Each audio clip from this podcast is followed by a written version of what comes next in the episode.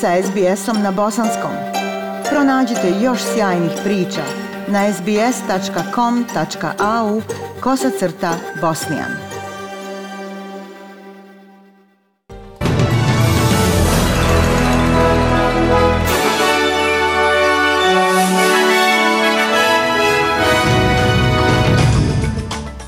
U današnjim vijestima poslušajte – zemlje G7 postigle historijski dogovor o porezu, ciljajući na multinacionalne i tehnološke kompanije. Zdravstvene vlasti Viktorije nastavljaju potragu za izvorom visoko zarazne varijante koronavirusa u državi i vijesti sporta najbolji teniser svijeta Novak Đoković obezbjeđuje svoje mjesto u drugoj sedmici French Opena.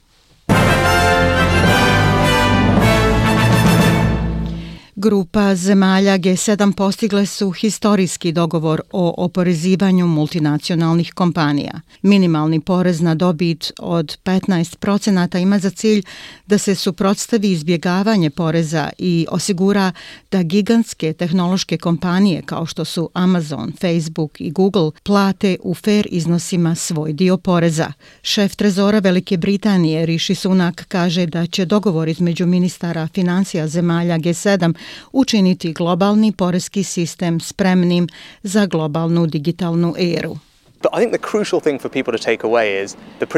Ja mislim da je presudna stvar za ljude princip pravičnosti. To je ono što smo postigli danas, da obezbijedimo da postoji poravnanje igrališta za sve tipove kompanija. Bilo da ljudi djeluju u porezkim oazama ili kao digitalne kompanije, mi navjeravamo da poravnamo igralište, ugradimo ovaj princip pravičnosti u naš globalni porezki sistem. To je nagrada. Ovaj potez bi mogao omogućiti da se vlade i privrede privrede oporave u milijardama dolara zbog otplate nagomilanih dugova u vrijeme pandemije COVID-19. Sporazum će staviti pritisak i na druge zemlje da usvoje slične mjere na sljedećem samitu G20 koji će se održati idućeg mjeseca. Stručnjaci za infektivne bolesti su zabrinuti za učenike, dok zdravstveni autoriteti Viktorije nastavljaju potragu za izvorom varijante virusa COVID-19 koji je prvo detektovan u Indiji i koju nazivaju delta varijantom. Jučer je u Viktoriji zabilježeno pet novih slučajeva COVID-19 što ukupno iznosi 70 slučajeva od posljednjeg izbijanja zaraze. Država nastavlja da bilježi nove slučajeve još u jednocifrenim brojkama, ali mjesta izloženosti su u porastu. Samo jedan od posljednjih otkrivenih slučajeva, građevinski radnik u užem dijelu Melburna je prisilio da se mjesto zatvori, a 170 bliskih kontakata da odu u izolaciju. Profesor Raina McIntyre sa Univerziteta u Novom Južnom Velsu kaže da delta varijanta virusa utiče i na djecu nakon što se prijenos dogodio između dva učenika u osnovnoj školi u sjevernom Melbourneu. Zabrinjavajuće je to što se mnogo izbijanja zaraze dešava u školama. Čini se da je ova varijanta virusa sklona da utiče na djecu. Tako da je zabrinjavajuće za Australiju u kojoj je vrlo mali omjer ljudi vakcinisan, a što donosi novi osjećaj hitnosti za povećanjem rate imunizacije. Do sada je testirano na stotine bliskih kontakata ovih učenika i rezultati su negativni pozitivni, dok je klaster delta varijante koronavirusa porastao na 9 slučajeva.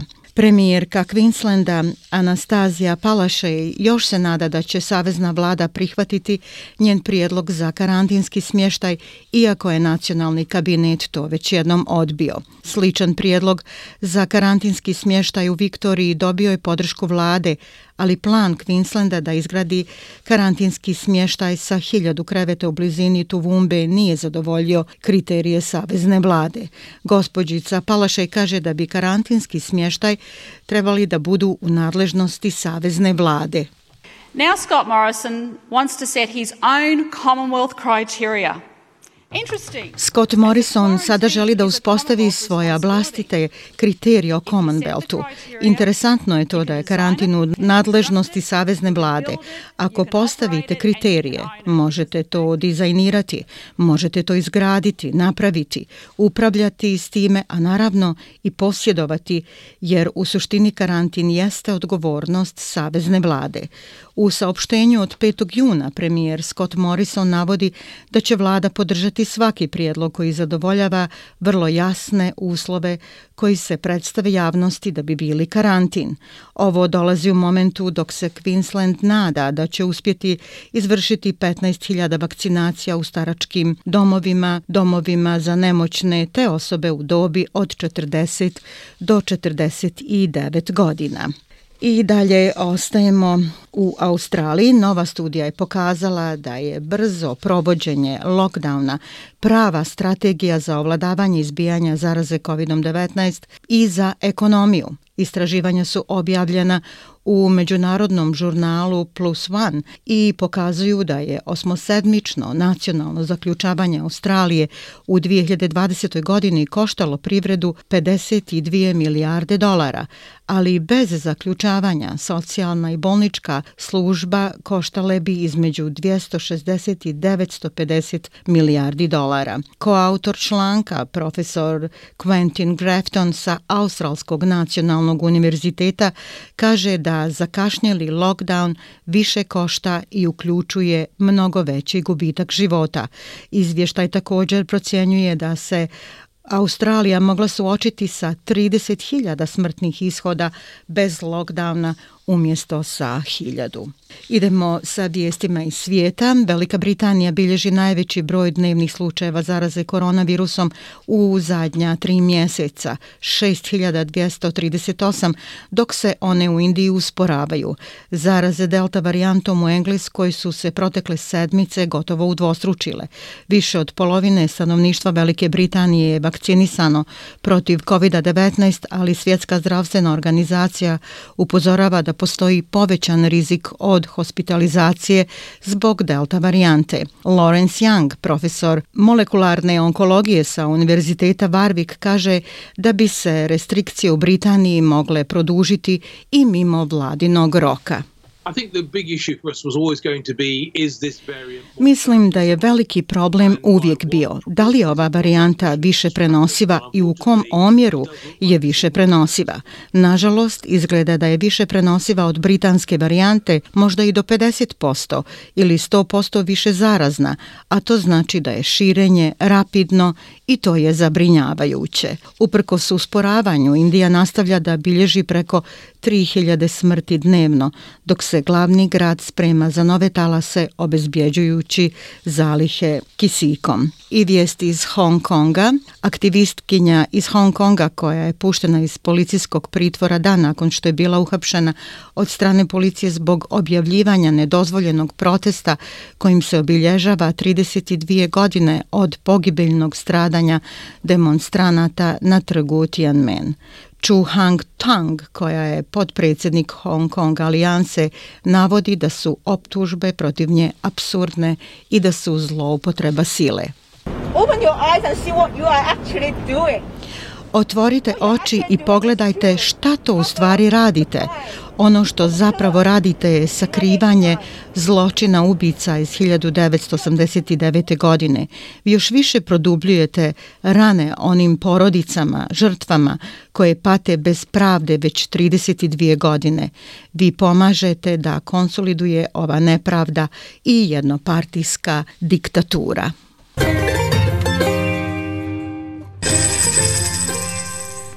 Prema kursnoj listi australski dolar danas vrijedi 0,77 američkog dolara, 0,63 eura, 0,54 britanske funte te 1,24 bosanske konvertibilne marke. I vijesti iz sporta. Svjetski reket broj 1 Novak Đoković nastavlja drugu sedmicu French Opena nakon pobjede u trećem kolu nad Litvancem Rikardasom Berankisom. Đoković je osigurao dominaciju sa pobjedom 6 naprama 1, 6 naprama 4, 6 naprama 1 nad Berankisom koji zauzima 93. poziciju u svijetu. On je odigrao hladan show na terenu Filip Karčin partije i ostao na putu da osvoji svoju 19. titulu na Grand Slam turnirima. Đoković je šest puta oduzeo servis svom protivniku, a nije imao niti jedan break sa druge strane i time je došao u četvrto kolo Roland Garrosa 12. godinu zaredom.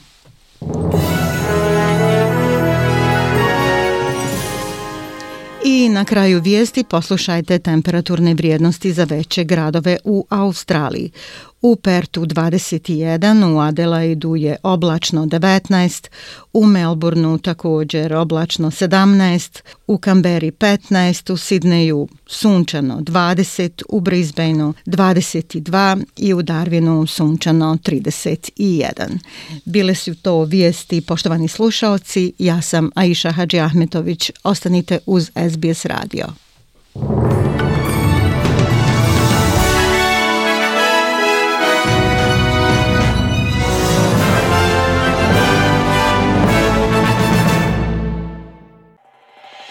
SBS na bosanskom. Podijelite naše priče preko Facebooka. Želite poslušati još ovakvih priča? Slušajte preko Apple podcasta, Google podcasta, Spotify ili kako god da primate svoje podcastove.